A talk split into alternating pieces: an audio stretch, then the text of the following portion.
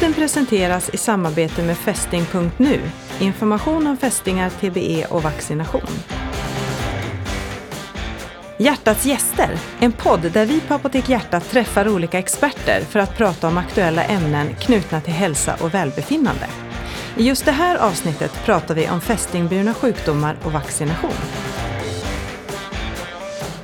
Hjärtats gäster med Annika Svedberg, chefsapotekare på Apotek Hjärtat och Björn Olsen, professor i infektionssjukdomar vid Uppsala universitet och Akademiska sjukhuset.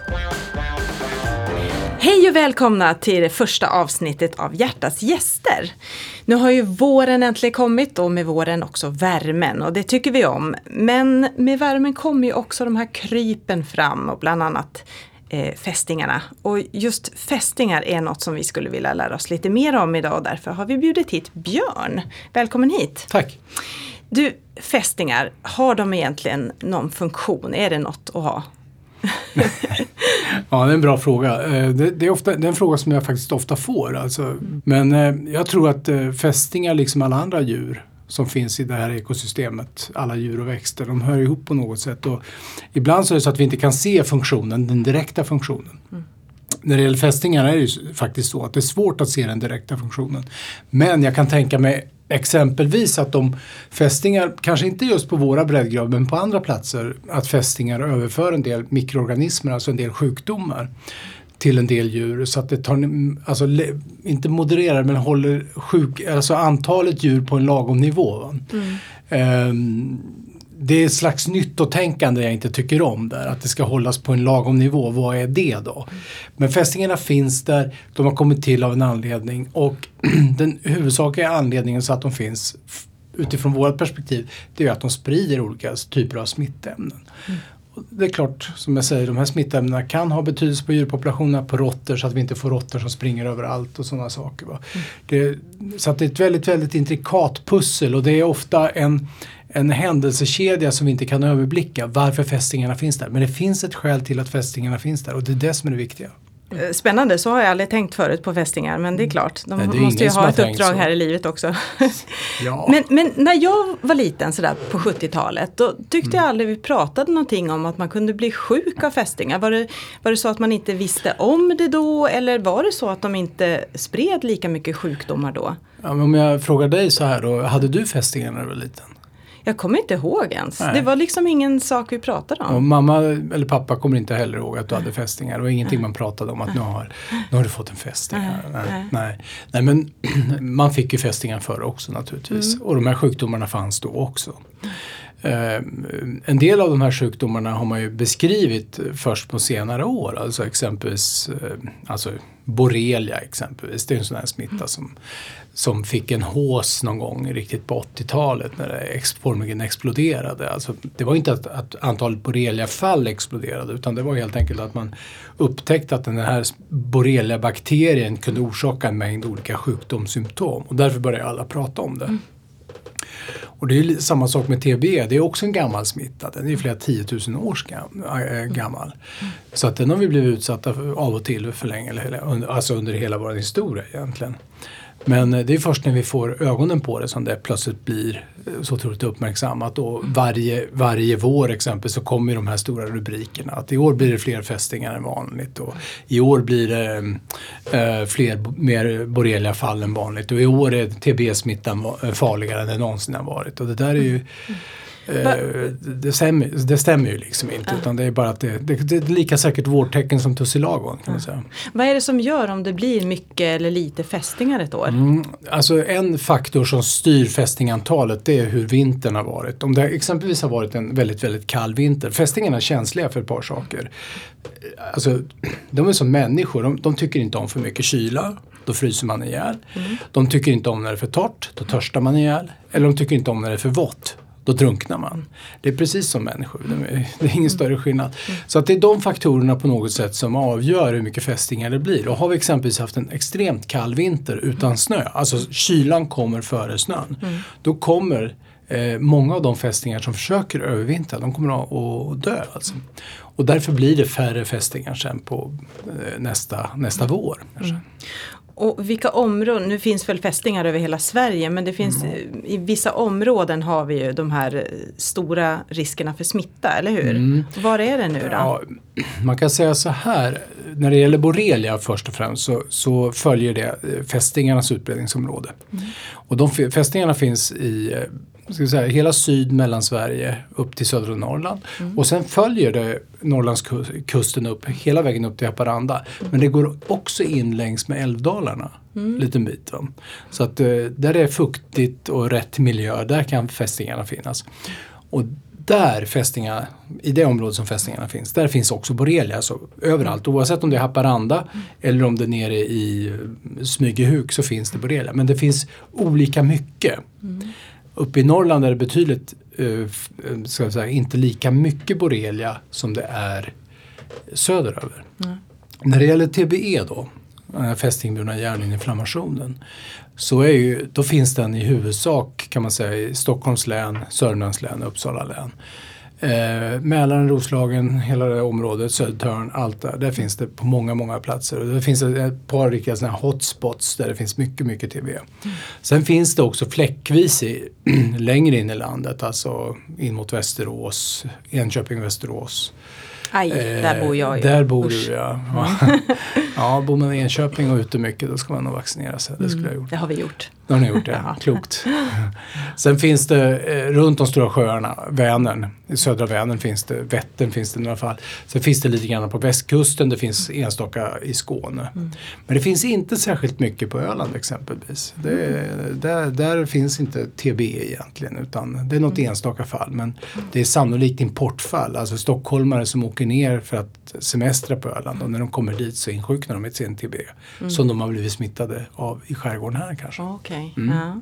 Och nu har vi ju berört det här med TBE och mm. borrelia. Då kan det ju vara på sin plats att vi reder ut lite grann vad är det för typ av symptom man får. Om vi mm. börjar med borrelia då. Ja, borrelia är ju en bakterieinfektion. Mm. Det, det, är en lång, det är en, bakterien kallas, den typen av bakterier kallas spirocheter. Och det betyder egentligen långt hår. Alltså det är lång, de ser ut som långa hårstrån. Mm. De här bakterierna, långa, långa bakterier. Inte som man tänker sig små pluttar bara utan det är långa, väldigt vackra bakterier. Eh, och eh, eh det man får, det som händer när fästingen biter då kommer borreliabakterierna efter en 12-24 timmar att orientera sig över från fästingen in i såret och smitta människan. Och sen eh, när man har hittat sin fästing, man har tagit av den efter något dygn eller två, då kan man alltså vara smittad. Mm. Eh, då, det, det, första som brukar dyka upp då det är ett ringformat, eller ett litet litet utslag kring själva fästingbettet. Och det här växer under loppet av ett par dagar så att det blir alltså stort. Upp till, det kan bli halvkroppsstort ibland ett sånt här Oj. utslag. Samtidigt som det bleknar av. Men, men det kan bli väldigt, väldigt stort. Eh, och samtidigt så blir det också en, en ljus uppklarning i mitten, alltså runt själva såret. Så att det, det blir som en ring som sprider sig utåt. Alltså. Och det här heter ju då erotema migrans, alltså en rodnad som rör sig. Alltså. Det är det första tecknet. Eh, och eh, sen eh, hos en del av de här patienterna, som är personerna som, som får erotema migrans, så, så kan borreliabakterien gå vidare och orsaka exempelvis hjärninflammation att man får en hjärninflammation som i och för sig inte är dödlig. Den är sällan den orsakar något riktigt Människor kan bli svårt sjuka, ja, men det är sällan någon dör av det. Väldigt, väldigt sällan, om det någonsin har hänt. Eh, det ena. Det andra, att man kan få eh, förändringar i hjärtat. Eh, retledningsproblem, alltså att elektriciteten inte går som den ska i hjärtat utan man får konstiga rytmer och sådana här saker. Okay. Eh, det är framförallt hos barn. Mm. Och sen ehm, Eh, det andra som man kan få det är eh, ledinflammationer. Okej, okay, ont i lederna då? Ont i lederna, mm. svullna leder. Så att, eh, men det man kan säga att det är ganska ovanligt i Sverige. Det vanligaste är alltså just det tema migrans, mm. den här rodnaden som vi pratade om från mm. början. Och att man får någon form av neurologiska symptom. Det är nästan det vanligaste i Sverige. Och vad är det då? Ja, det är dels en hjärninflammation mm. eller att man får en, en ansiktsförlamning. Mm. Man kan också få smärtor som strålar ut i armar eller ben. Mm. Det finns ytterligare en sak som är ganska vanlig, framförallt på östkusten här kring Stockholmstrakten. Mm. Eh, det är en rodnad som stannar kvar. Och man får, samtidigt som man får, får en lite blårött skinn och det är framförallt på händer och fötter som huden blir liksom blåskimrande, lätt genomskinlig, lite läderartad eller pergamentartad ska man säga. Och samtidigt lite lätta ledförändringar under. Och det är ett tecken på att man får upprepade borreliainfektioner. Det är de som bor ute i skärgården som ofta får den här typen av symptom. Mm. Så det är inte den som bara smittas en gång utan här måste man smittas många, många gånger. Mm.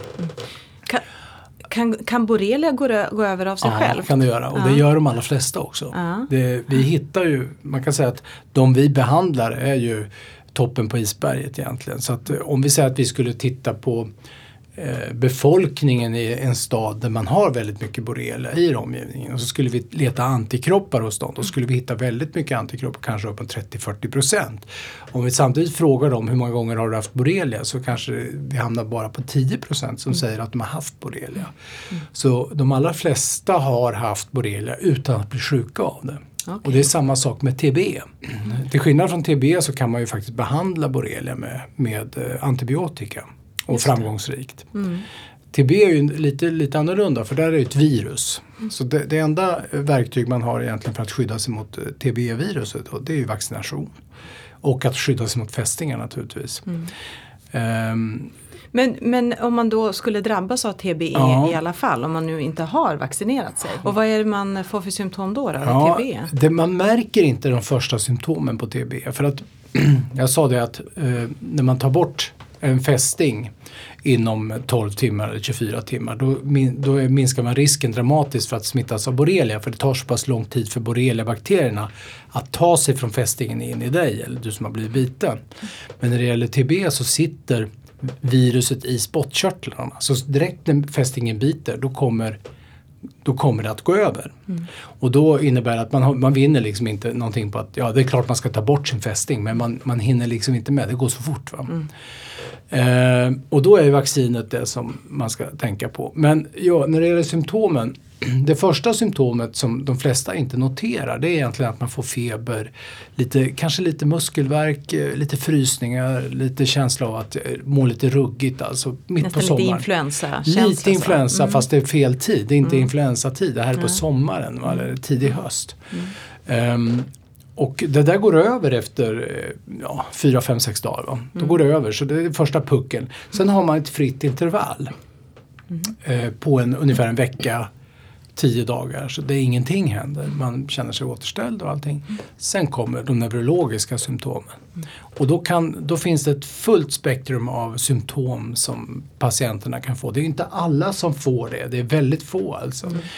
Och då kan det komma eh, hela spektrat av att man får bara huvudvärk, eh, man, man blir ljuskänslig eller ljudkänslig till att man får en fullskalig hjärninflammation, att man blir eh, medvetslös och i värsta fall kan man dö av det. Mm. Så det finns en del, även i nu, alltså nu finns det en del väldigt tråkiga fall med TB där unga människor har faktiskt strukit med av TB. Mm. Och, eh, Finns det något man kan göra då? Nej. nej utan då, då det, handlar det om att det, ändå komma under sjukhusvård kanske? Ja, just det, för att understödjande behandling. Ja, alltså, ja, bara, men helt det är inget enkelt, botemedel? Nej, det nej. finns inga bra botemedel nej. utan det är just att bara understödja mm. eh, i den här mest mm. kritiska fasen. Mm. De allra flesta tillfrisknar ju ändå. Va? De absolut allra flesta tillfrisknar. Så att, mm. Eh, det, det, brukar, det brukar gå bra men det finns några enstaka där som faktiskt fortsätter att vara riktigt svårt sjuka och som också får följdsymptom som är väldigt besvärliga. Mm. Ja, det låter ju som att eh, det bästa är att inte bli biten av en fästing överhuvudtaget. Så vad kan man göra när man, mm. alltså för att undvika att överhuvudtaget få en fästing? Eh, ja, vad ska man göra? Nej, men alltså, när sommaren kommer så tappar vi ju vettet allihopa. Vi tar ju av oss alla kläder och så lägger vi oss i gräset och så tänker vi inte på att det kan finnas fästingar där. Finns det bara, var finns fästingarna framförallt förresten? Jag har hört att det är liksom högt gräs och i skogen ja, och så. Ja, högt gräs i skogen. De finns lite överallt faktiskt. Men man kan säga riktigt kortklippt gräs, där brukar de inte finnas för att det mm. blir för torrt. Mm. Så att eh, om man ligger i någon fin park i Stockholm på det kortklippta gräset då är risken ungefär liten. Mm. Fast det finns enstaka som naturligtvis kan mm. få där också. Va? Mm. mm. Och det hänger på om det exempelvis har gått ett rådjur förbi. Mm. För rådjur är mm. liksom rena fästingfarmen. Eh, men annars så finns det just i sådana här områden med lite högre gräs, lite ört, ört och ängsmark. Eh, det man ska skydda, alltså man skyddar sig ganska enkelt egentligen. Mm. Man, eh, tar på sig, man tar på sig vettigt. Kolla om du har fästingar som kryper omkring. Mm. För att det är så, fästingarna biter inte direkt. De vill, de vill liksom hitta de bästa ställena att bita på. Så de vill vandra omkring lite grann. Mm. De traskar liksom omkring. Mm. Så man ska kolla av sig ordentligt när man har varit ute mm. i riskzoner. Om man ska man göra. Ja. Och om det ändå är då en fästing som har bitit sig fast mm. så ja det är ju kört när det gäller TBE har jag ju förstått då. Ja, mer kan mindre. mer eller mindre. Ja. Men däremot borrelia det gäller att hitta fästingen så fort mm. som möjligt och ta bort mm. den. Och då kommer vi till det här spännande med hur man ska ta bort. För det har ju varit väldigt många olika idéer genom åren kring ja. hur det ska göras på bästa sätt. Och vad är din rekommendation här nu då? Alltså det, det enklaste är oftast det rätta. Och mm. då tycker jag att man, man, antingen tar man en väldigt fin pincett, en skarp pincett. Mm. Och så lägger man den med spetsen så nära fästingen som möjligt så att man kniper till, till om skallen på den. Och mm. så vrider man lite och drar och rycker och till slut så åker den ut. Mm. Man får ta i lite grann alltså, innan det säger pop släpper den. Mm. Annars så finns det på apotek och såna här eh, hälsobutiker så finns det såna här speciella fästingborttagare. Och jag tycker för min egen del så tycker jag den fästingborttagaren som ser ut som en kofot är bra. Det finns en som ser ut som en grön kofot. Den är fantastiskt bra. Det finns en sån här snara som ja, jag har använt. Slinga, ja. den, den tycker jag har funkat jättebra. Den ja. har man lyckats fånga de allra minsta med ja, också. Just det. Larverna, ja. Fästinglarverna. Mm, det kan man göra. Men du det här att snurra, mm. ska man snurra eller inte? För ett man kan det... snurra hur man vill. det spelar så stor Nej, roll? Nej, det spelar alltså. absolut ingen roll. Men du, då brukar man ju också prata om det där att det får inte bli något kvar av fästingen. Mm. Det kanske är ett, ett huvud kvar, en liten svart ja. prick och sådär. Vad, vad gör man då? då? Ingenting. Det, ingenting? Nej. Låt det vara, det försvinner. Ja. Man kan sätta på, man kan tvätta av, desinficera och så kan man ha på lite Alzol exempelvis. Mm. Så ska man, kommer det där poppa ut så småningom. Mm, lite det är bättre, Ja, det är bättre mm. det än att hålla på och gräva. Mm. Okej, okay, då har vi konstaterat eh, så vi vet hur man gör om man mm. har fått en fästing då. Att det också är viktigt framförallt för att inte drabbas av borrelia. Eh, men för att skydda sig mot TBE så är ju det allra bästa sättet då att vaccinera sig. Absolut. Speciellt om man bor i de här områdena där mm. det finns stor risk. Mm. Men kan vem som helst vaccinera sig? Vad säger man nu om, om barn och gravida och sådär? Ja, egentligen så det, det finns ju en, en, tidigare gräns på barn till tre, ner till tre års ålder men det funkar även på barn kring ett års ålder. Alltså. Och då finns det vaccin som är anpassade för barnen. Mm. Så det rena, gravida är också en fråga och när man läser på lite grann kring graviditet, för det, gravida är ju liksom lite känsligare, det är en känslig fråga överhuvudtaget att spruta i saker i gravida för att eh, man är rädd att det ska hända någonting med fostret eller någonting sånt.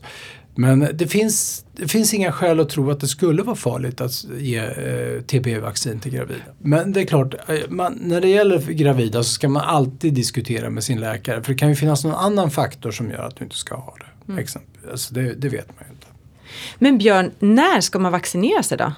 Man ska vaccinera sig nu och egentligen ska man ha påbörjat vaccinationen redan för att det tar från första till andra sprutan så är det ungefär en månad och det, efter den andra sprutan som man får skydd. Och fästingarna börjar ju bli aktiva nu och även TBn är ju aktiv nu också så att eh, det är hög tid. Ja, hur är det, det här, nu har vi pratat människor hela tiden, kan mm. djur också bli sjuka? Ja. Um, man har ju sett bland annat uh, borrelia exempelvis och hundar. Mm. De kan få karditer som det heter, alltså hjärtmuskelinflammationer. Mm. Så det vet man och dessutom kan de också få problem med sina leder. Att de får ledinflammationer. Så det kan man ju alltid fundera på om man har en liten jycke som börjar bete sig konstigt eller som stupar och får hjärtstillestånd. Så. Är det mm. så att fästingar föredrar vissa människor framför Antagligen. andra? Ja. Antagligen. För det är ju så, vissa av mina kompisar har haft mycket fästingar mm. och andra aldrig haft mm. någon fästing. Ungefär som en mygg. Precis, ja. precis. Och då kan det ju vara så att vi har olika fettsyror på huden så att fästingarna liksom inte gillar doften och såna här saker. Mm. Uh, och då, då, undviker de att bita. Men ibland de kan inte undvika för länge för det, det är hela tiden en slags gambling. Mm. Hur mycket vågar jag chansa att inte bita? Mm. För det är inte säkert att jag träffar på en mus mer eller en människa något mer under det här lilla livet som jag har. Så att jag menar, de måste chansa. Va? Tack så jättemycket Björn för Tack. att du tog dig tid att vara gäst hos oss på Hjärtat. Mm, det var jätteroligt. Mm. Om ett favoritämne. Ja, ja.